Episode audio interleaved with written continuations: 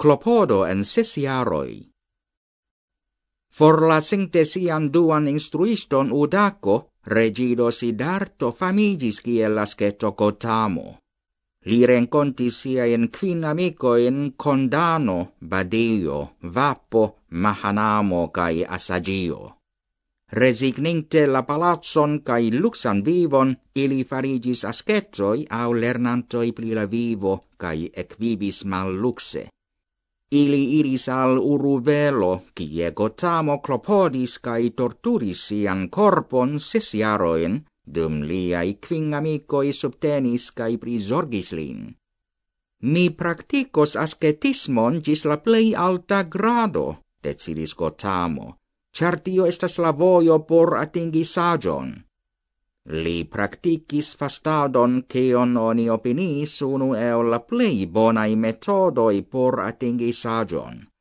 Li sing vivtenis per nur graino da riso ciutage, cae poste per nenio.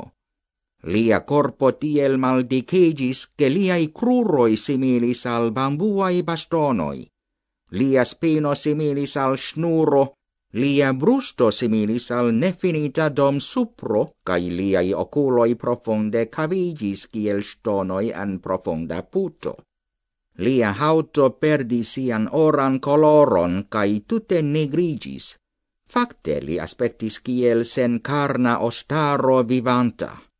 Li persistis en la meditado malgrau la sufero de terurai doloro cae malsato Lia alia metodo por torturi la corpon estis che li sing detenis despirado por longa tempo, gis li perceptis grandan doloron en la oreloi, capo cae tuta corpo. Li povus fali sur la terron perdinte sian conscion. Dum la periodoi de la plena luno cae nova luno, li iris en arbaron au tombeion por mediti, surportante malnova in cifonajoin collectitain de tombeio cae rubeio. Li havis timon en la comenzo, precipe ciam alvenis sovagiai bestoi, sed li neniam provis porcuri.